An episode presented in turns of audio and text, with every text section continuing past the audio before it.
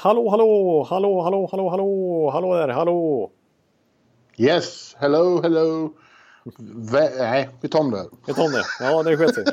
Ja. Ja, det sket Ja. Hello out there, we're on the air. It's hockey night tonight. Tension grows, the whistle blows, and the puck goes down the ice. The goalie jumps and the players bump, and the fans all go insane. Someone roars, Bobby scores at the good old hockey game. Oh, the good old hockey game is the best game you can name. And the best game you can name. Hallå, is the hallå, good hallå, old hallå, hallå, hallå, hallå! Yes, hallå, hallå och välkomna till NHL-podcasten eh, avsnitt nummer 202 med Jonathan Bambi Ekeliv i Stockholm och mig Per Bjurman just nu i Las Vegas ännu en gång. Eh, Oj, oj. Det har varit ett enormt resande hit den här våren. Fjärde gången på en dryg månad jag landar på McCarran, tror jag. Om inte mer. Ja, jag, jag kan inte Eh. påstå att jag tycker jättesynd om dig för det har ju... Nej, Antingen är det Stanley Cup-final eller konferensfinal eller som i det här fallet Awards som gäller för Per Ja. Bjurman. Så att, mm. Ja, Ja, jag sitter här på 28 våningen eller vad det är på ett hotell och tittar ut över hela nejden. Knallblå himmel som vanligt. Hett och fint och eh, rummet är strålande och på andra sidan har jag en jätte-tv där jag just nu ser Ryssland slå Egypten. Eller det står 3-0 till Ryssland just nu. Oj, Hur långt har de kommit egentligen? Jag har inte följt med den här matchen. Vad, är det redan... är- 60-50 minuter är vi. Ja, Så att, eh, så långt. Okej. Mm. De har 3-0. bra målskillnad nu ryssarna får man säga. Ja, precis. De är ju vad är det, 8-0 just nu är de uppe i. Ja, Ja, det är ett hemma-VM som eh, Putin eventuellt varit med och petat lite i kan man väl. Jaha, Konspirera om, konspirationernas, konspirationernas Jonathan Ekeliv. Ja, jag vet ingenting. Nej, vi vet, jag vet ingenting faktiskt. Men, ja, ja. Nej, ja, jag är ju i Vegas då för som sagt. Det är awards här. Mm. Eh, det ska vi eh, såklart prata en del om inför, inför då, vilka vi tror kommer vinna och så. Ja. Vi ska också prata draft som ju följer direkt efter här till helgen. Eh, under midsommar i Dallas. Jag ska dit också. Åker Åh. tidigt på eh, torsdag morgon dit. Härligt. Eh, men eh, vi har ju, det har ju hänt en del som vi måste prata om eh, Ja. eh, senaste dagarna och det, det känns som det, det händer mycket hela tiden. Det känns som att eh, det här snabbt kan bli överträffat av ännu större trades. För det, bara, det känns som att det har smält till nu en, minst en grej varje dag här nu. Eh, Ja, på slutet. att, eh, men vi får ta det som har hänt fram till att vi spelar in helt enkelt. Ja, men vi, vi, vi får väl kanske ta det, eller ska vi ta det, det hetaste som har hänt eh, eh, nu? Ja, ja, jag låter dig bestämma ordningen. Ja, men det, vi får, vara, får ha lite ny känsla här kanske då och prata om det som precis har hänt. Ja. denna morgon, denna tisdag morgon är det Mm. väl? Ja, det. så eh, blev det ju då, eh, fick vi se Ottawa som väntat trada bort Mike Hoffman efter kaoset som vi pratade om förra veckan så var det givet att han skulle försvinna bort och, och men det, det vart en, eh, vart en, en liten tur för honom. Först till San Jose, right? Ja, exakt. Mot Bödker bland annat eh, och Julius Bergman. Ja, lite svenskt eh, kom med där helt plötsligt också. Ja. Ja, men sen tradades han omedelbart vidare sen till Florida. Så han kom tillbaka till Ottawas division. Ja, det, det kändes som att det, var lite, det fanns en poäng med att trada bort den till andra kusten. Ja, Men eh, så dröjde det bara några timmar så, så var han helt enkelt i Florida. Och faktum är ju att Florida och Ottawa hade haft samtal med varandra. Men då tyckte ju Dale Talon, Floridas general manager, att det var för högt pris. Och la på luren helt enkelt. Och så, så jag tror att Dorian kanske blev lite överraskad att det ändå blev en deal till slut. Och att Kanske han skulle- förbannad till och med. Förbannad till och med kanske blev, vem vet. Vad jag har inte hunnit kolla så noga, det är tidigt i Vegas. Så vad, fick, vad gav Florida upp för? Och, eh, Ja, det var ju draftval. Det var ju var det ett andra val, Ja. ett fjärde val och ett femte val eller något sånt där. Okej. Eh, Så att, eh, och det visade sig då i slutändan att San Jose mest var ute efter de här draftvalen och löneutrymme naturligtvis. Och eh, direkt började spekulationen återigen om att visst, jag menar vi har ju sett att Kowalczyk har varit på besök i San Jose. Och det har ju under egentligen flera år ryktats om att Sharks eh, gärna ser Tavares som ersättare till Joe Thornton i en liten slags regimskifte där. Eh, Så nu har de ju verkligen löneutrymme. För Bötkers 4 miljoner dollar per säsong ungefär som han hade. eh, Det var nästan lite dött kött för dem. eh, För att han presterade ju inte alls som de hade förväntat sig när de skrev det här kontraktet. Ja. De sparar löneutrymme och de samlar på sig en hel del draftval här. Mm. Ja. Och, och, och de tycker säkert att de har liksom eh, skött situationen nu, tagit hand om, hanterat kaoset Ottawa. Men jag tror ju fortfarande att det är väldigt långt ifrån klart att Erik blir kvar också. Alltså, de har inte skött det här något vidare. Så att... Eh, Nej, jag, jag tror inte Erik är så imponerad heller som du säger av hur de har skött det. Vi pratade en hel del om förra veckan där vi skickar på en hel del kritik mot eh, ja, hela, dels Eugene Melnick inte minst uppe i styrelsen men, men eh, som ägare men även Pierre Dorian och så vidare. Hela, hela staben hur de har skött den senaste tidens turbulens i största allmänhet. Nej, precis. Och, och nu slutade det med att han fick ju sparken då den här assisterande general managern. Ja, han fick sparken. Jag såg att han blev avstängd, men han blev, blev han sparkad till och med? Ja, eller avstängd. Han är avstängd. Ja, men han har vårt fulla förtroende och när det var som storm då plötsligt inte ja, han är avstängd. Exakt, det var det vi var inne på lite förra veckan att vi tycker att liksom, de agerar ju inte ett dugg proaktivt utan de reagerar hela tiden istället för att kunna Alltså sådana ja. beslut de borde ha kunnat fatta, förstå själva att de ska fatta, det tar de först när anarna börjar få kritik. Ja. Och så har det sett ut egentligen hela den här säsongen och framförallt nu under våren. Ja, det, det, det är ju ett, ett hellhole, Ottawa just nu känns det som. Ja, precis. Och lite synd om Böttger som hamnade där helt plötsligt från att ha varit i Kalifornien. Han hamnade i den här ja. skiten. Ja. Ja, eh, idag också då så, eh, den andra nyheten, färska nyheten, väldigt färsk. Precis innan vi, vi satte igång här så, så kom det nyheter från eh, Columbus om att eh, Panarin gjort klart att han, att han inte vill, han är inte så intresserad av att skriva på eh, en extension för dem. Går hans kontrakt ut nu, är det så? Eh, hans kontrakt går väl ut nästa sommar. Okej. Okay. Mm, han, har, han, han har alltså redan nu gjort klart att, att då kommer han inte att skriva på en förlängning. Nej, precis. Det här kom ju precis innan vi började spela in här, så det här är ju verkligen färskt. Men som jag har förstått det, hans kontrakt går alltså ut 2019 ungefär som det gällde för Oliver Ekman Larsson och som det naturligtvis gäller för Erik Karlsson. Och mm. redan ja, från och med första juli kan de officiellt börja snacka om en förlängning. Eller då kan de helt enkelt krita på en förlängning. Och Columbus mm. är ju naturligtvis, de vill vara ute i så god tid som möjligt och säkra upp deras franchise forward som han nästan har blivit. Han gjorde en jättefin debutsäsong där och är deras klarast lysande offensiva stjärna. Mm. Eh, men han har ju då hävdat inför klubbledningen att eh, nej, han är inte beredd att så snabbt krita på en förlängning där utan...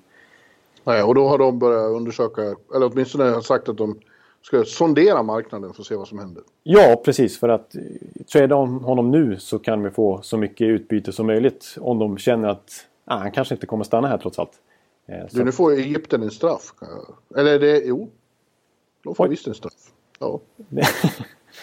ja. Man vet ju aldrig nu. Det heter ju VAR här. En VAR ja, det är det precis. Ja. Och det är han Liverpool-stjärnan, vad heter han som ska slå den? Är det Salah nu alltså? Det är dags för ja. han att, att, presentera sig i VM. Ja, jag, jag kör det här live här nu. Han har ställt upp, nu blåser de... Nej. Ja, han missar ju, jag lovar. Han gör det? Du är... Putin har, har sagt till att han missar. Nej, jag är all in för konspirationsteorier. Nu kommer det. Nu kommer Nej då, han satte den i kryss. Han är ju stabil. Ja. Salah, god för... Kan vara uppåt en, en och en halv, två miljarder om han ska säljas. Frågar jag dig. Ja, precis, fråga mig om. Jag kan ingenting om fotboll. Jag håller på Brage, det är allt jag håller Ja, just det. De kanske inte kan köpa. Det blir svårt. Men eh, eh, vad var vi? Vi, vi pratade om eh, Panarin. Ja, precis. Eh, eh, och ja, de har sonderat terrängen då. Och han känns ju som någon som väldigt många lag borde ge upp ganska mycket för. Ja, alltså speciellt, ja, och verkligen om man dessutom skulle få besked från Panarin då att han gärna vill förlänga med det laget som man skulle gå till då. Mm. Då är det en jättebra värvning. Han är inte så gammal alltså. Han, han är ju född 91. Han var en liten late bloomer som kom över eh, bortifrån KHL. Eh, men jag menar, eh, alltså en point per game-spelare som är mitt i sin prime-ålder. Jag skriver gärna ett sjuårskontrakt med honom. Om det ja, finns lite löneutrymme. Så att, Eh, absolut borde det vara jättestort intresse. Och samtidigt, jag förstår Columbus här. Uh, de sitter lite knöligt till eh, helt plötsligt här om de inte lyckas förlänga med Panarin. För även Bobrovskis kontrakt går ut snart. Och eh, Werenski ska ha nytt, eh, eh nytt kontrakt när hans eh, rookie-kontrakt går ut. Och det kommer ju vara en betydligt högre lön på det avtalet. Så, ja, lite skakigt här. Det är ju verkligen det är deras kärna här eh, som ska ha nya kontrakt kan man säga. Ja. Så lite skakigt. Dessutom, en dimension i det här är ju att uh, han har den tränare han har och uh, om, om Tortorella får bilden av att han har en stjärna som inte är committed. Eh, då kan det bli jävligt kärvt i den relationen också. Ja, då kanske det är lika bra att skicka nu i sommar. Ja, precis. För, eh, nej, annars blir det varken bra för någondera part, så att säga. Precis. Du, här har vi en nyhet från The Athletic också. Ingen stor nyhet, men... Eh, eller det är ingen färdig nyhet, men det är ändå stort att Phil Kessel har tydligen gjort klart att han är inte... Han motsätter sig inte att eh, lämna Penguins via trade. Tydligen så var det snack om... Eh, Arizona försökte trada Max Domi dit mot Kessel. Ja, jag vet att det var i princip bekräftat att det fanns diskussioner mellan de två klubbarna. Inte nödvändigtvis att det handlade om Kessel, men i alla fall Domi. Ja, eh, men Kessel har tydligen en väldigt bra relation med Tocket då. Ja, just det. det är ju, de var ju superpolare. Det såg man ju på bänken eh, de senaste åren. Ja. Mm. Men eh, så där kanske han inte hamnar då, men, men, eh, men det, det, är inte omöjligt att han försvinner alltså. För han, är, han tycker det skulle vara okej okay själv. Alltså, säger han det själv eller är det The Athletic som påstår att de har fått reda på det av honom? Eller är det... Ja, det var en artikel. Jag ser bara rubriken. Ska jag sätta mig och läsa hela artikeln? nej, men det, är ju, det vore ju sensationellt Ma man... Nej, det är multi multiple sources have confirmed to the Athletic that Phil Kessel, while perfectly willing to remain with the Penguins, isn't opposed to a trade that would end his time in Pittsburgh. Ja, det är, okay. ja, det är ju en tydligt... Eh, och jag litar på Pittsburghs The Athletic-redaktion. Den känns eh, stabil. Ja. Så... Ja, det var ju ganska sensationella uppgifter. Helt plötsligt så är det två stycken stora ytterforwards står på marknaden. Ja. Spännande. Ytter, ytterligare, vi har ju Jeff Skinner och Max Pacioretty och så vidare. Nu försvann Mike Hoffman. Så att det är en ytterforwardsmarknad i sommar helt plötsligt när vi har pratat om John Tavares och de här stora backarna, Erik Karlsson, Oliver Ekman Larsson och Drew Dowdy och så vidare. Mm. Ja. Ja, det känns som det, det, Man får bilden att det, det kommer hända jävligt mycket nu alltså. Ja. Stora namn i, i, i rörelse. Och det, när det liksom börjar så här tidigt också så då blir det ju ett domino. Ja, som sätter fart. Ja, i allmänhet blir det ju det. Ja. Exakt. Och Elliot Friedman som ju är verkligen en insider har ju varit inne på att ni, det, här, det kommer vara kaos eh, runt draften. Eh, när det handlar om trader. Alltså de här veckorna som inför free agency-perioden 1 juli. Det kommer vara mängder med trades. Kommer knappt ha sett något liknande på flera år. Nej. Ja, det är underbart. Det är underbart ju. Ja. Så att, eh, ja, jag håller helt med där. Att det, det, den känslan har ju redan börjat infinna sig. Alltså. Ja. ja. Ja, men innan, innan dagens nyheter så hade vi, vi har ju redan haft en, en, en uppmärksammad trade då. Eh, vi nämnde Domi här. Han hamnar ju då till slut i Montreal eh, i utbyte mot, eh, det var en rak trade. Spelare mot spelare. Ja. Eh, Domi till Montreal och Galchenyuk till eh, Arizona. Eh, ja. Och det var många som sa att here we go again med Bergevin. Att han gör konstiga trader som han förlorar hela tiden. Ja, alltså är, han, man kan ju till att börja med konstatera att han gör ett hattrick i sådana här så kallade player for player trades. Eller hockey trades brukar man kalla det när det bara är ja. spelare mot spelare. Jag menar, för... ja, först var det Subban, Subban Weber, ja. eh, Dran, eh, Sergachev. Ja, exakt. Och nu denna. Och nu denna. Och det är alltså och, inga draftval eller några andra spelare inblandade utan spelare mot spelare. Och de två första har han ju så far i alla fall förlorat. Eh, ja. Subban har varit jävligt mycket större succé i Nashville än vad Webber har varit i Montreal. Och Dran hade ingen bra första säsong i Montreal. Ja, medan Sergachev faktiskt ja. imponerade väldeligen får man ändå säga. Eh, sin debutsäsong i NHL. Men eh, ja. Men jag tror, eh, det här finns det ändå potential. Jag tror ju att Max Domi eh, har mer än vad vi har sett eh, hittills i sig. Ja, alltså... Jag, Eller vi såg ju första hans rookie-säsong var han ju riktigt bra. Han var ju fantastisk då. Ja. Det kändes som att han hade något ordentligt på gång och skulle kunna bli typ... Eh, nu använder jag ordet igen, men typ franchise-spelare för Arizona. Att ja, han, ja, exakt. Och han, han liknar sin farsa lite grann till den delen att han har lite så nasty side. Han kan eh, vara rätt så, lite småful och, och väldigt så här, engagerad i matcherna. Men ja. i övrigt så är det ju en renodlad playmaker. Vi pratar inte om någon gritty power forward utan det här är ju en speluppläggare. Eh, ja. Men... Ja. Han, han, det var ju han och, och uh, The Duke. Ja. hade ju en jävligt fin säsong ihop där nu. Nu är båda borta. Precis, nu är båda borta plötsligt. Och de, det är andra namn som onekligen har gått förbi hierarkin. Clayton Keller till exempel förra säsongen. Eh, men och visst, alltså Domi senaste säsongen är inte så imponerande. Han är, menar, totalt han bara gjort, han är, vi slog ju fast att han är playmaker, men han har bara gjort ändå 38 mål hittills i sin, sin NHL-karriär. Medan Alex Galchenyuk för ett par år sedan gjorde 30 mål under en säsong. Mm. Eh, och faktum är att förra säsongen gjorde Domi bara 9 mål, bara 4 i öppen kasse. Eh, så ja, han har haft ja, otroligt svårt med, med målskyttet. Eh, han är ju däremot just att spela fram sig, det, det är ju det som är hans spetsegenskap.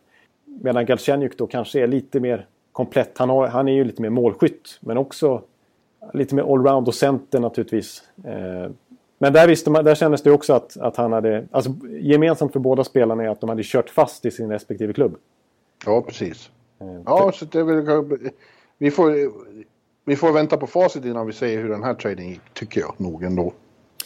Ja, det, det får man säga. Jag, där, jag vill dock säga så här att, att jag tror inte att, att någon av de här spelarna kommer explodera nu bara för att de har bytt klubb. Att man, har, för man har ju väntat nej. på de här killarna i så många år och liksom tror att det ska verkligen lossna, att de har mycket mer i sig. Men jag börjar känna att nej, de är ändå en 23, 24, 25 år nu. Och de varit i ligan mm. i 3-4 säsonger. Visst, ett miljöombyte kan göra susen. Men ja, ja, till exempel i Galchenyuks fall. Eh, nu ska jag låta lite old school faktiskt. Men han har ju haft ett, ett litet rykte om sig och var lite partyprisse. Och han och Nathan Bulliot var ju ute och svängde, slirade en hel del i Montreal. Eh, vilket ju delvis ska vara en orsak till att Bulliot blev tradad till, till Buffalo förra sommaren. Hur kan du veta det här? Ja, nu, jag läser på mina konstiga sajter. Nej, men... Ja, men... men om man varit ute en gång så får man det ryktet.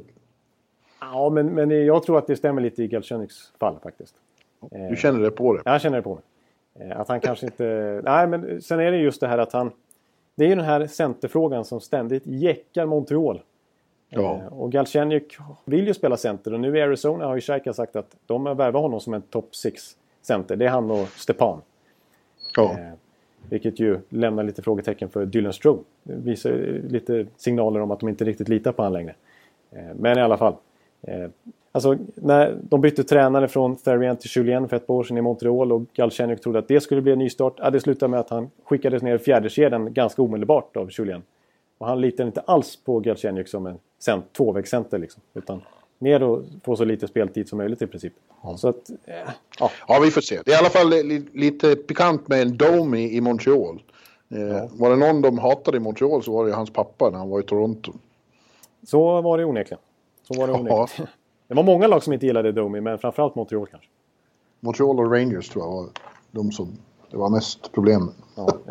Jag vill också säga så här att det Alltså Bergevin. Nu har han tradat bort sina två topp 10-val som han har haft de senaste åren. Galchenyuk gick ju som trea och Sergachev som nia. Och båda har blivit borttradade och de har fortfarande inte löst eh, centerfrågan. Nej.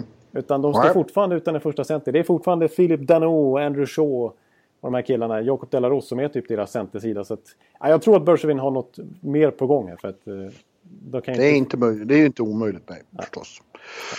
Ja, eh, en annan eh, nyhet som ju fick många att höja på ögonbrynen är att tio dagar efter de hade eh, vunnit Stanley Cup så är det klart att eh, Barry Trotz inte blir kvar i, i Washington Capitals. Han, han hade inskrivet sitt kontrakt en, en klausul, som, en option. Så om de vinner Stanley Cup så utlöstes två år till eh, med eh, en lätt lönehöjning från 1,5 till 1,8 miljoner.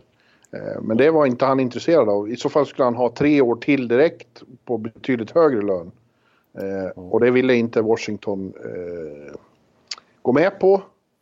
Eh, så att då sa han helt enkelt upp sig, trots. Utan att ha något nytt jobb än. Och mm. det är ju, eh, vi pratade ju om det här förra veckan. Tidigare under säsongen så har det sagt att ja, han försvinner efter den här säsongen. Men, men när de hade vunnit så var ju känslan att ja, de kommer att behålla trots nu. Det är ju klart. Ja, ja, ja visst. Men, men så blir det inte alls. Jag tror de är lite besvikna på hans eh, attityd här. Eh, ja, men de har, eh, det är ingen, blir inget svårt för de kommer väl med all säkerhet så är det väl, blir det väl han Reardon som tar över nu. Ja, Todd Reardon, deras assisterande som ju har... Associate till och med. Ja, det är ju ännu mer upphöjd titel. Eh, ja, och han anses ju redan ha haft väldigt stor del i det som hände nu den här våren. Det är ju ett billigare alternativ Plus att han eh, har ju faktiskt ryktats till andra klubbar titt som tätt de senaste åren. Att han har Ja. ansetts vara en av de här assisterande coacherna som är redo för ett huvudjobb någonstans. Eh, Ja, han det kommer att få det. Ja, Han kommer, ja, jag ser verkligen eh, det som troligt att det är, han som, att det är, så, det är den lösningen de ser. För att det blir helt enkelt för dyrt, tyckte de då. Och ge, trots den här förlängningen på ett högt kontrakt. Men jag förstår ju och samtidigt och Barry Trotz. år. Ja, ja, Det precis. gör jag. Men nu är det bara det att det finns bara ett jobb ledigt i ligan och det är Islanders. Och eh, jag tror inte, det är långt ifrån säkert att de har råd att ge eh, trots de pengar han vill ha nu. Ja, för trots, han, har, han kan ju se tillbaka på en karriär, en NHL-tränarkarriär sedan ja, 90-talet egentligen när han tog över Nashville när de klev in i ligan. Och han, har, han är framförallt så är han ju regerande Stanley Cup-mästare nu. Eh, och då Ja. tittar han och ser att ja, Babcock han har över 6 miljoner, Quenneville har 6 miljoner dollar per säsong, Julien har över 5 miljoner och sådär. Eh, Ja, jag tror han siktar på typ fem. Ja, precis. Och och det, han tycker det är ett hån att han ska få 1,8 miljoner då när han har sett att till exempel Rangers tar in en college-tränare som får 2,5.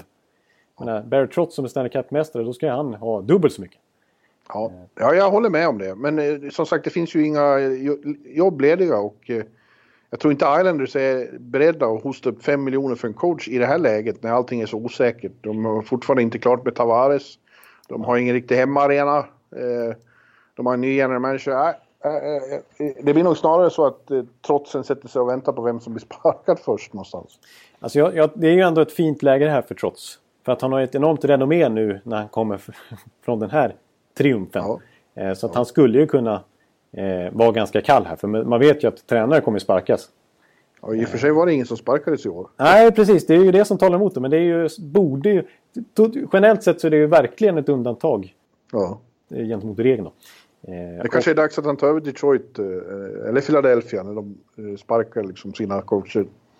Ja, så såg vi ju Dave Tippett haka på Seattle-kampanjen här. Ja, just det. Deras, Just. Så det jobbet kommer ju vara tillgängligt så småningom. Det Ja. kanske är attraktivt nu när man sett vad Galant han lyckades prestera. Ja, men det Jag får vet. man inte heller de pengarna direkt Nej. skulle jag tippa av Seattle. Nej, jag, jag, trots kommer kunna välja och vraka, eller välja och vraka, men jag, jag tror han, han är ganska nöjd med situationen trots allt det.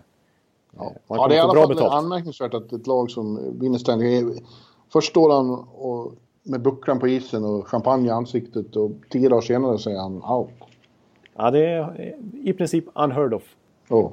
att, och att det går så snabbt. Bara nå- någon vecka senare som du säger så är- då tackar han för sig och vill hoppa på ett nytt uppdrag. Ja, ja eh, och övrigt så är det inget, eh, inget är ju bestämt men det går ju mycket rykten om eh, och det sägs att det är givet att till exempel Jeff Skinner blir eh, tradad.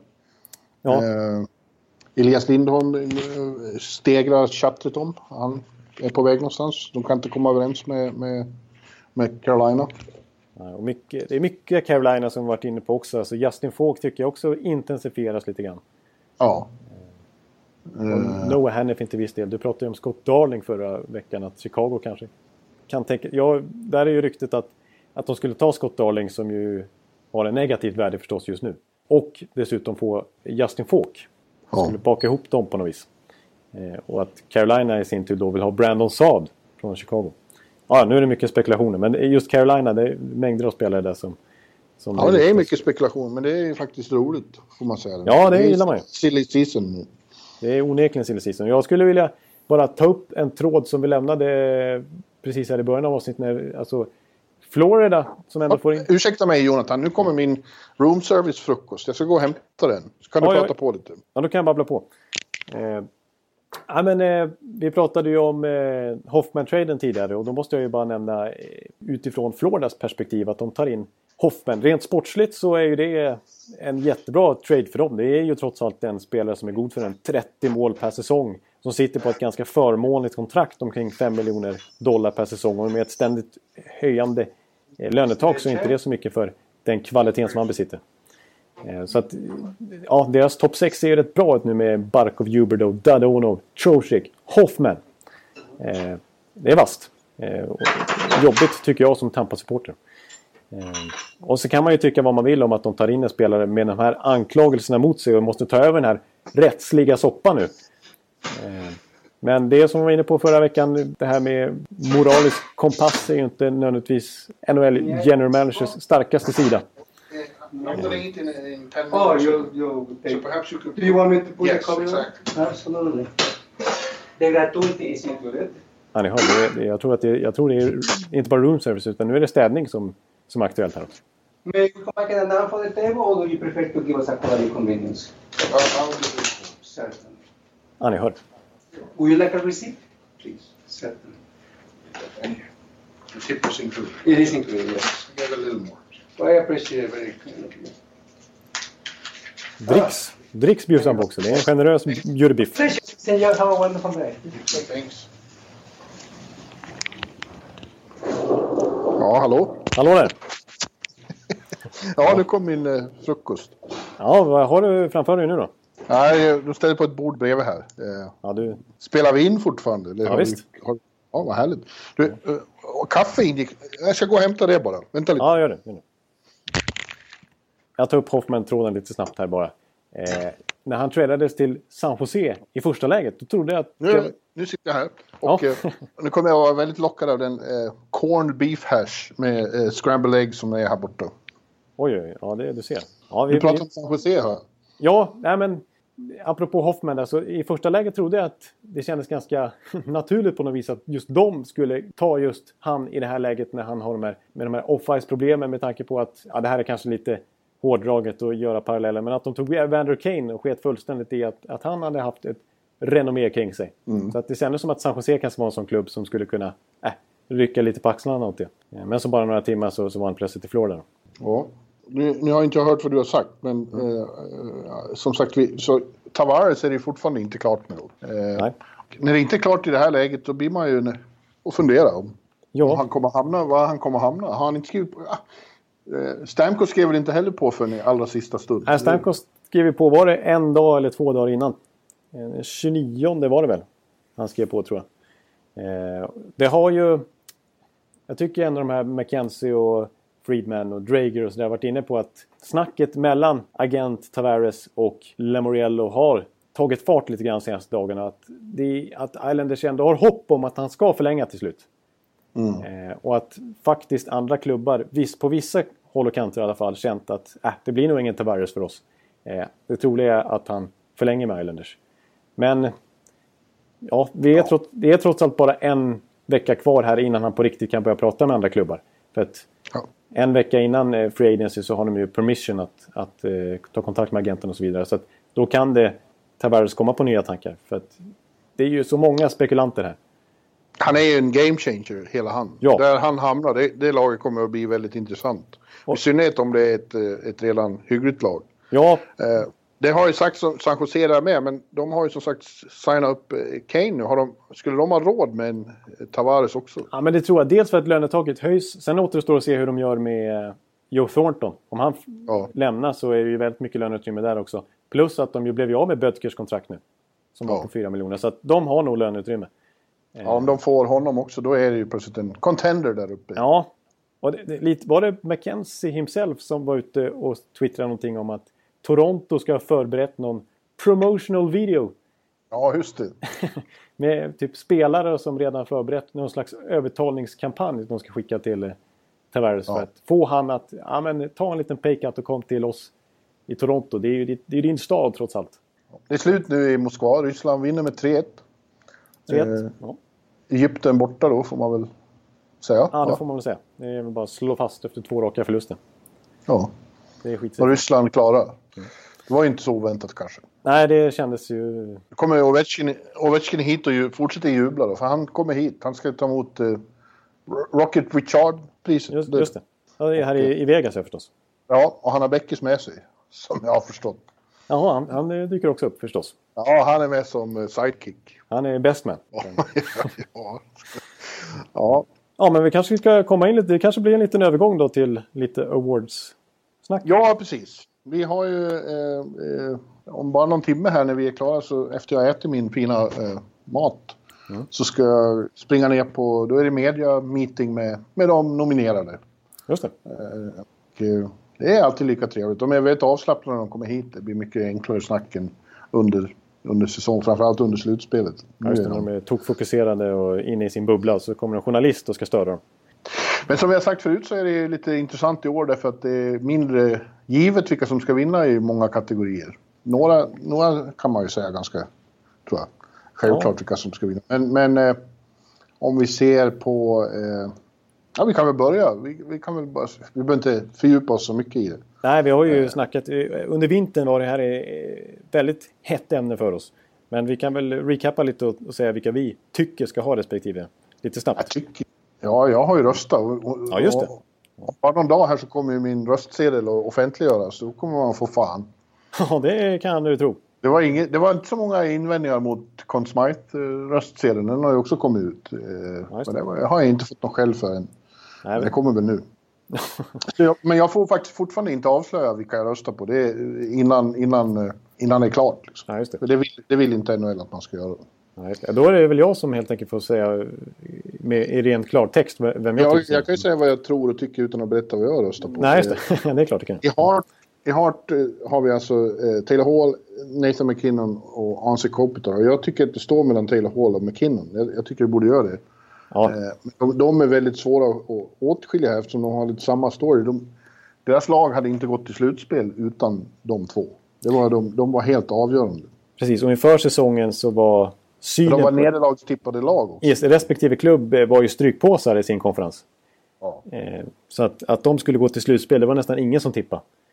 Och tittar man rent statistiskt på respektive spelare så var de ju otroliga den här säsongen. Alltså, de, jag tycker de är väldigt jämförbara. Det är svårt. Jag håller med dig helt. Även om Kopitar gjorde det jättebra med, med King som är helt överlägsen i deras poängliga och är ju eh, extremt bärande spelare både defensivt och offensivt. Och spelar ju enormt mycket. Han är väl en forward som har, han och Barco som har mest istid i NHL bland forwards. Men eh, ja, min, min röst skulle ha hamnat på McKinnon. Ja. Ja, men jag tror att, att Hall ändå kommer vinna det för att det är fler som röstande på östsidan, tror jag. Och de har sett mer av Hall och New Jersey. Mm. Och eh, det här, kom ihåg att det är före slutspelet. Många har ju vad som har hänt i slutspelet i färskt minne. Eh, men det handlar bara om grundserien. Det röstades innan slutspelet hade börjat. Ja, och det, när vi satt och kollade på... Vi såg, av, det råkade bli så att vi såg tre New Jersey-matcher på vår lilla roadtrip där i mars. Ja. Och det, det, gick ju inte att bara... Alltså att inte... Att det gick inte att slita ögonen från Hall i de matcherna. Nej. Han var ju ruskigt bra alltså. Han var ju ja. tokbäst i New Jersey i respektive match. Ja, det har jag sagt förut. Det, det, är få jag har sett som man så, är så varse om när han är inne. Liksom. Jaha, ja. nu är hål inne, det, det syns direkt. Ja, du, du, du, du söker inte upp, ens upp på honom utan du bara noterar att oj, nu är det ja. klasspel där inne. Cool fact a crocodile can't stick out its tongue. Also, you can get health insurance for a month or just under a year in some states. United Healthcare short term insurance plans, underwritten by Golden Rule Insurance Company, offer flexible, budget friendly coverage for you. Learn more at uh1.com. Ja. ja, Norris då. Eh, där sprang jag på vinnaren här igår i korridorerna på Encore Hotel. Ja. Eh, och han heter Victor Hedman. Jag tror att, eh, jag tror att är en lock för honom i år. Ja, jag håller med. Subban och Dowdy eh, hade också fina säsonger, men Victor hade ännu finare och dessutom så vann han ju när vi gjorde eh, den här halvtids, inofficiella halvtidsomröstningen på All Star-helgen. Då vann han ju och det var ju inte så att han har blivit sämre sen dess. Nej. Tvärtom. Nej, precis. Och, alltså, det som jag tycker är fortfarande lite kanske underskattat är att ta i, men som kanske inte understryks tillräckligt ofta. Är alltså att, att han är en... Och det, för det var han kanske det var ju något som ansågs som en liten svaghet i början av hans NHL-karriär. Och när han var hemma i Sverige och spelade VM 2012 och fick så mycket kritik. Men det är hans defensiv. Alltså i egen zon är han fantastiskt bra.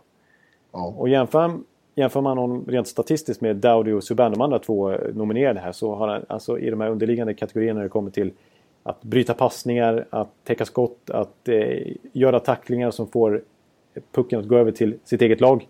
Alltså lyckade tacklingar på det viset. Och ja, massa olika defensiva kategorier så placerar sig Hedman jättelångt upp.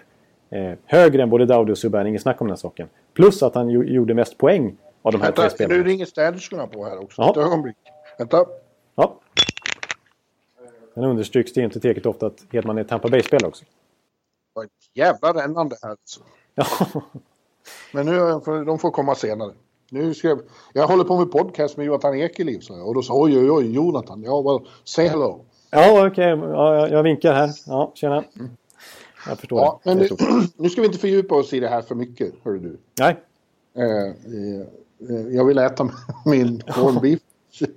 eh, vi har Vessina, där har vi Vasilevski, Pekarinne och Hellebuck. Och det är lite roligt med det är att eh, som sagt, de flesta har ju slutspelet i färskt minne och eh, samtliga tre, men framförallt Rinne och Vasilevski hade ju ett stunder när det inte alls gick bra i slutspelet. Men Nej. igen, det här, är, det här är ju då general manager som har röstat om dem. Och det gjorde de, som sagt, med slutspelet, innan slutspelet började. Och eh, jag, jag tror ju Vasilevski här, för att det känns som han var den som... Det var mest buzz kring honom. Ja, Jag vill minnas att det var väldigt mycket buzz i slutet av säsongen, trots allt, kring Pe Pekarinne. Alltså att recency bias vid den omröstningen där i mars, typ, att, att eh, början av april, att det var Pekarinne. För han, alltså, Vasilevski var ju fantastiskt bra på 2017-halvan av säsongen. Eh, men sen från 2018, om man räknar 2018 och framåt i grundserien, så var ju Rinne enastående siffror eh, för Nashville. Som ju klättrade upp och till slut vann hela NHLs grundserie. Att, Ja, det blir ju jättekonstigt om Rinne vinner. Ja, det blir ju jättekonstigt nu när man vet facit i slutspelet. Men eh, Ja. Han, Alltså- hade, han var ju den som verkligen eh, pajade ihop eh, när det som mest gällde i slutspelet. ja, och det, det som blir så paradoxalt är att en sån som Holtby var ju inte i närheten att bli om. Liksom. Nej. Att Han hade ju en, en av sina sämre grundserier och fick inte ens inleda slutspelet som första målvakt. Och nu, Nej. Nu har man en helt annan bild av honom igen. Och Flurry med för den delen. Ja, precis. Och Fleury skulle ju kunnat varit nominerad, men det var väl det att han var skadad så mycket i början av säsongen som gjorde att han diskvalificerades lite grann. Ja, jag tror Vasilevski i alla fall. Jag tror tror inne. vi. Ja. Ja. Calder, eh, där har vi Matthew Bursal, Clayton Keller och eh, Brock, Brock Baser säger man va? ja. Eh, ja, det tycker jag är tre värdiga vinnare allihop. Eh, men eh, Baser var skadad mycket på slutet och det var om, återigen var mest buzz kring Barzal skulle jag vilja säga. Ja, jag, skulle, jag tycker bara- Keller var ju framförallt i början av säsongen. Ja, nej, Barzal är en fantastisk puckskicklig underhåll. En av de mest underhållande spelarna att titta på redan nu tycker jag i NHL. Och att han gjorde, vad blev det, kom han upp i typ 85 poäng som andra center i Islanders bakom Tavares. Det är ju extremt imponerande enligt mig. Så Ja. eh, han, är, han vinner. Barzal vinner. Ja, Selke, där har vi eh, the usual suspects. Eh, eh, Kopitar, Bergeron, Couturier. Och, personligen tycker jag ju att Kopitar var den som imponerade mest sett till hela säsongen. Men, men Bergeron, när Bergeron är på sin högsta nivå så är han ju eh, allra bäst eh, i den här kategorin. Och det brukar räcka, jag tror han vinner igen. Ja, alltså han är väl den bästa defensiva forwarden vedertaget sett. Det tycker jag man kan slå fast. Faktiskt. Eh, men, sen miss, men som säger, han missade ändå 20 matcher den här säsongen. Och menar Kopitar var ju extremt bra och jämn vill jag ändå påstå över 82 matcher. Ja. Och är ju en extremt skicklig tvåvägsforward. Så jag tycker att det idag står mellan de två. Couturier är lite kul att han blir nominerad och han är på den nivån. Men inte riktigt. Ja, inte jag riktigt. gillar honom som fan. Ja. Sen, sen är det många som påpekar, vilket jag kan hålla med om, att, att ja, det är lite skumt ändå att... Men det är tre väldigt bra spelare som är nominerade. Men att Barkov alltså. Ja, ja, visst. Han, han är ju en Selke-vinnare nästan. Alltså, så bra är ju han. Men det blir ju så när man inte går till slutspel så är det svårt att hävda sig här. Men jag tror att han kommer att få ett tröstpris i nästa kategori vi ska prata om som är Alltså? Lady Bing. Ja. Eh, eh, för att det känns som både han och William Karlsson blir nominerade där. Det är de och Ryan O'Reilly. Ja, just det. De fick den nomineringen lite som tröst för att de inte fick eh, nominering någon annanstans. Det är ju i och för sig sant då att de är väldigt bra och sitter nästan aldrig utvisade. Nej. Men jag tycker det här är k- kategori, jag säger det igen, jag säger det hundra gånger, att det är domarna som borde rösta i den. Och det är de som vet vilka som uppför sig bäst och vilka som är mest gentlemen. Ja, precis. För nu blir det lite så här äh, att man sitter och spekulerar. Ja, man kollar på, ja, han är inte så mycket utvisad och han verkar ha trevlig prick och sådär. Så att han kör. Ja, jag tror eh, Barco vinner det. Om inte annat som ett litet tröstpris. Ja. Och- ja. ja, och William Karlsson, han hade ju kunnat vara Selke-nominerad han också. Alltså, på gränsen. absolut. Ja. Mm. Så mycket kan jag avslöja att de två var fyra och femma för mig Ja, i Selke. Man Ja, det tycker jag. fem. Så det var Barco fyra och Karlsson femma. okej. Mm, mm. Ja. Ja. Eh, Jack Adams eh, coach of the year, där är det den mest givna vinnaren på, av hela morgondagskvällen. Det är ju Garrett Galant. Eh, Ja. Det är inget snack om att han kommer få det. det. Det var han som stod för succén. Eh, Det var hans, sensationen berodde i första hand på honom.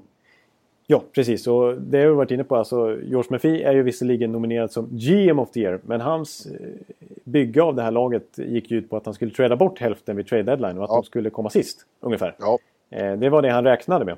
Medan Gerard Gallant lyckades få ihop den här gruppen till att gå till Stanley Cup-final. ja. Och då Han är ingen man ju coach snack- of the year. Ja, han är det är ingen snack om det. Han är coach of the year. Men å andra sidan som du mycket riktigt säger så eh, McPhee är också nominerad och jag tror att han vinner ändå av bara farten i general manager of the year.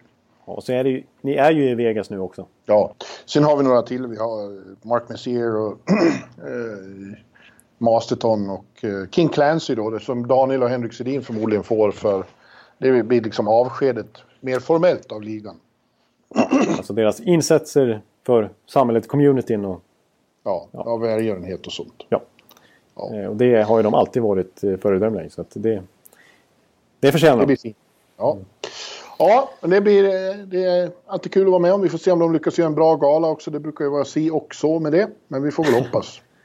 Ja, det att, brukar inte vara så sevärt när man själva... Ja, när Subban, jag tycker jag gillar ju när Subban har faktiskt har fått kliva in som lite host. Ja, Så att, ja. Ja. Och det blir Ja. kul att höra när Viktor håller sitt eh, segertal. precis. Det, Jag tror att han kommer att tacka dig för support genom det utgår från. Jonathan Eckerliv. Ja, det tycker jag han ska göra.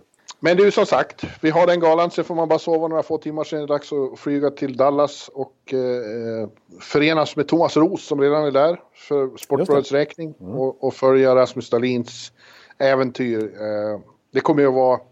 Jag tycker... Eh, ja, det är de som säger åh vad ni tjatar om det, vilken hype det är. Ja, jag tycker inte det är ens är tillräcklig hype än. För att, att en svensk var först i eh, NHL-draften, det är ett av... eh, Det är en milstolpe i svensk hockeyhistoria. Ja, det är Det har faktiskt... hänt en gång förut och, och nu händer det igen. Ja, precis. Senast var ju 89 då med Mats Sundin som de flesta har läst i alla möjliga Rasmus Dahlin-texter nu. Om man inte hade koll på det innan förstås. Eh, ja, det ska vara minst så här mycket hype. Det är vår största talang, eh, kanske någonsin. Vi vet inte, men, Ja. men den, i den här, så långt som han har kommit i den här åldern. Eh, Mm. Så eh, ja, det är klart det ska, att det ska surras så att det ska vara en enorm bevakning kring det här. Ja, enormt kul. Och han kommer gå först, han kommer att hamna i Buffalo. Men du eh, vet lite mer om hur det kommer gå i övrigt. Jag har ju eh, eh, till vissa eh, lyssnare och läsares irritation i, i, hinner inte engagera mig så mycket i prospects och talanger. Jag ägnar mig åt eh, den färdiga produkten. Ja, Och dessutom bor jag här så de europeiska eh, ser jag aldrig. Jag kan inte ha så mycket åsikter om. Eh, men du har ju, du är en nörd och har järnkoll på det. Och nu ska du berätta vilka de tio första går, hur det blir. Ja, jag kör en liten så kallad mock draft som man brukar prata om där borta i USA och Kanada. Ja, och jag kan inte invända så mycket. Jag bara hoppas att det är många svenskar. Ja, det kan eh, förekomma. Eh, Så att då sätter vi igång den här mock draften då. yes.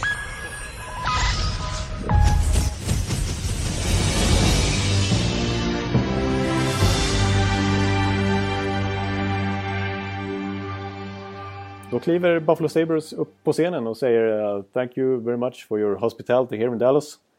Uh, we'd like to congratulate the Stanley Cup champions, the Washington Capitals. And a fantastic season by the Vegas Golden Knights. Now, with the first overall pick, we are very proud to select from Frölunda, Sweden, Rasmus Dahlin. Ja. Ja.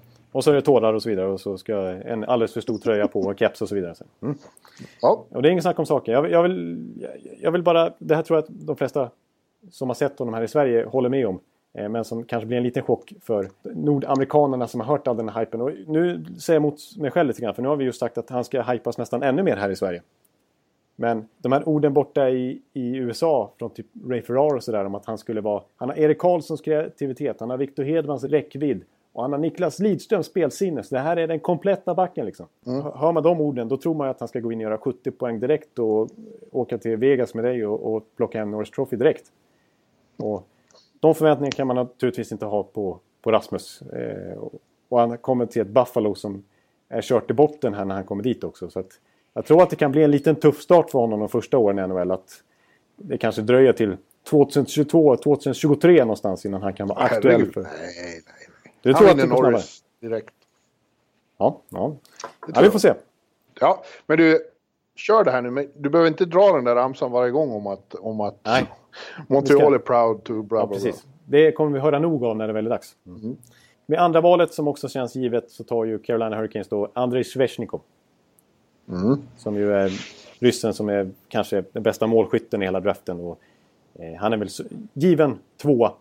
Eh, riktigt fin ryss som kommer liksom joina Kutjov och Kuznetsov och Ovechkin och hela gänget som en av de stora stjärnorna. Kanske god för en 40-50 mål inom ett par år. Och kommer kliva in i Carolina direkt vill jag säga också. Ja. Men sen blir det, har jag förstått att det börjar bli lite eh, frågetecken om vad som händer. Ja, sen, är det, sen har vi ju Montreal där som vill ha en center.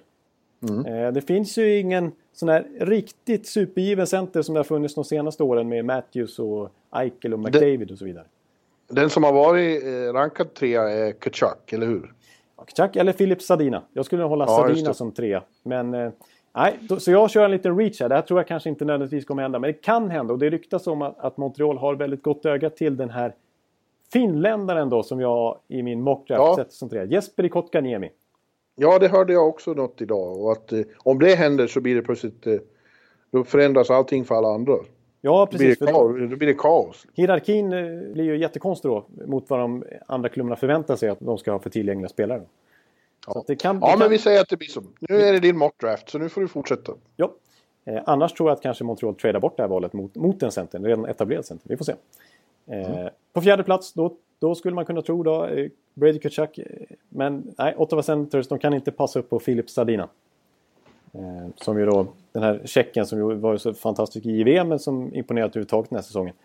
Eh, han kanske, om man kan skilja på han och Svesnikov så ska jag, en liten distinktion man kan göra är att Svesnikov är den bästa målskytten i draften. Filip Sadina har det bästa skottet i draften. Förstår du skillnaden där? Ja, ja, Alltså, ja. Svesnikov kan liksom göra mål på olika sätt. Han kan stånga in returer och styra puckar och skjuta direktskott och hit och dit. Men Filip Sadinas handleder upp i nättaket, det är ingen annan som kan repressera på samma sätt som han gör, gång efter gång. En fin playmaker också. Halifax Mooseheads, fin, eh, de bara spottar ur sig talangen. Nico Hischier, McKinnon, Drouin, Ehlers och så vidare. Eh, på femte plats, Arizona Coyotes som brukar gilla så här, de har John Shaika som general manager och eh, sig fancy stats-lirare. Men det skiter de i nu. För nu, nu, nu kör vi på ett nostalgipick och tar Brady Kachuk. Jag menar, Keith Kachuk har ändå varit kapten för Phoenix Coyotes i fem år en gång i tiden.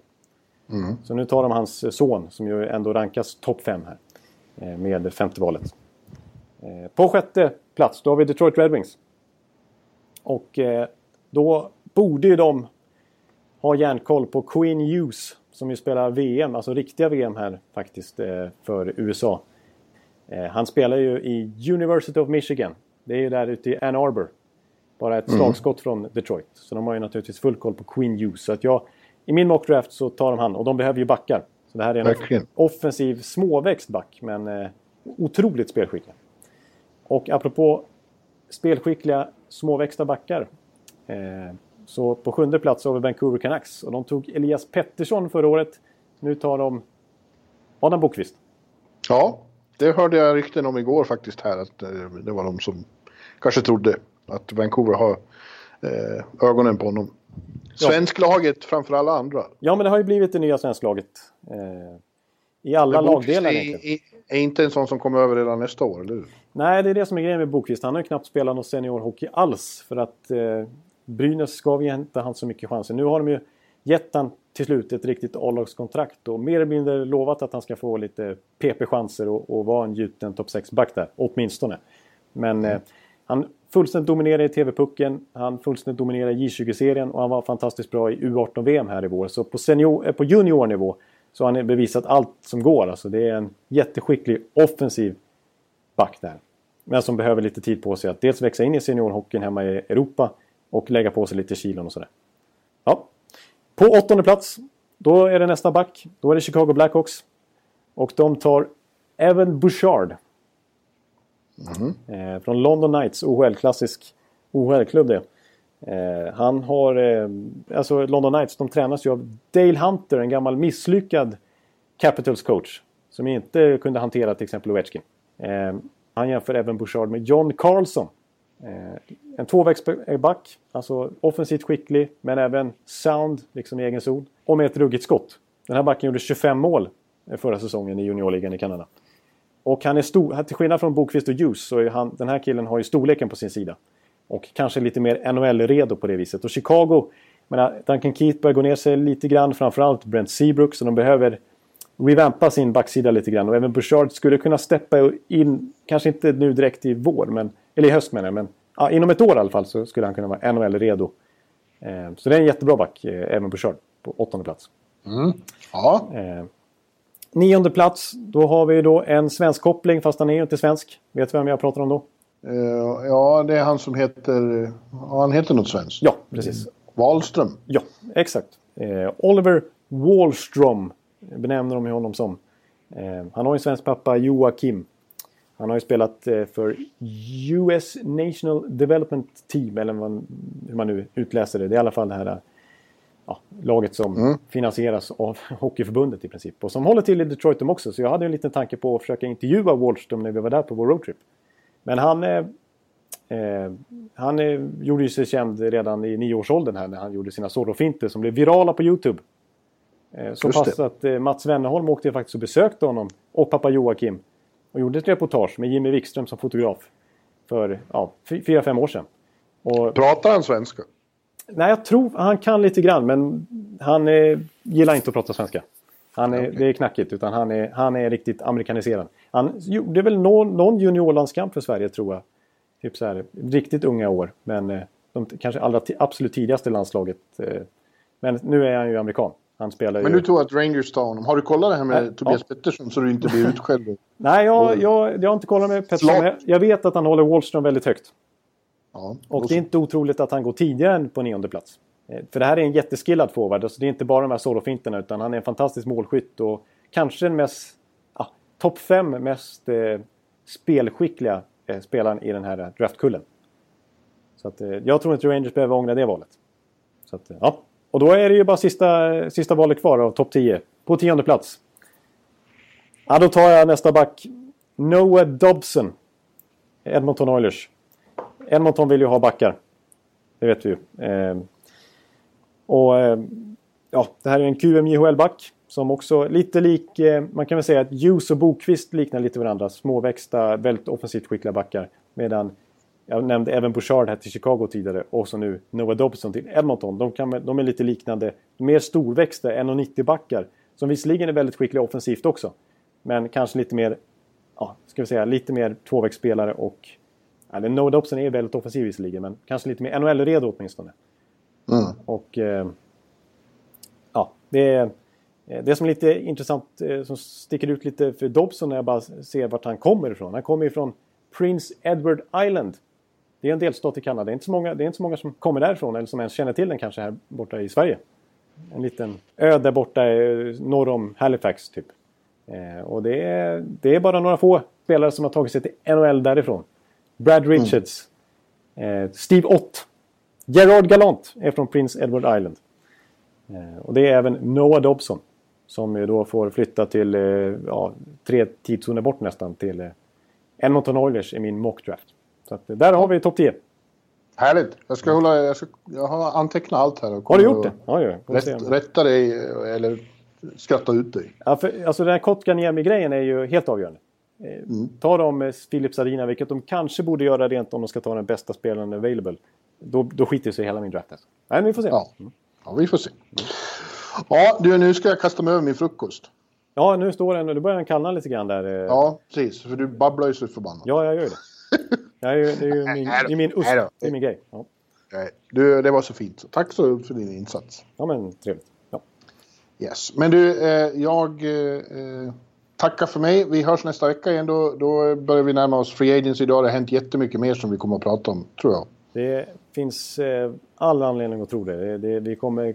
Oj, vilken... Jag blir andfådd redan nu, känner jag. Kanon det. Vi ja. hörs snart. Ja, men det gör vi. Och tack alla er som eh, lyssnar. Vi, vi hörs som sagt. Hej! Tack och hej! Hallå, hallå, hallå! Hallå, hallå, hallå. Alex Chiazot, Joe Luis Arena och Esposito. Esposito. Uttalsproblem, men vi tjötar ändå. Och alla kan vara lugna, inspelningsknappen är på. Bjuder Hanna Kohl, han är grym i sin roll. Från Kållesoffan har han fullständig kontroll på det som händer och sker. Det blir ju allt fler som rattar in hans blogg. Och lyssna på hans podd. One, two, time, speed, so Hallå, hallå, hallå. One, two, time, speed, so Hallå, hallå, hallå. Ekeliv, som är ung och har driv.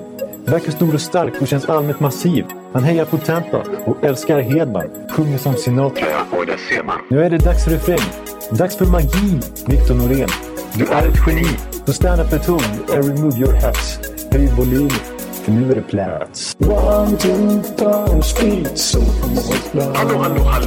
One, two, time, speed, so Hallå, hallå, hallå. One, two, time, speed, so Hallå, hallå, hallå. One, two, time, speed, so Hallå, hallå, hallå.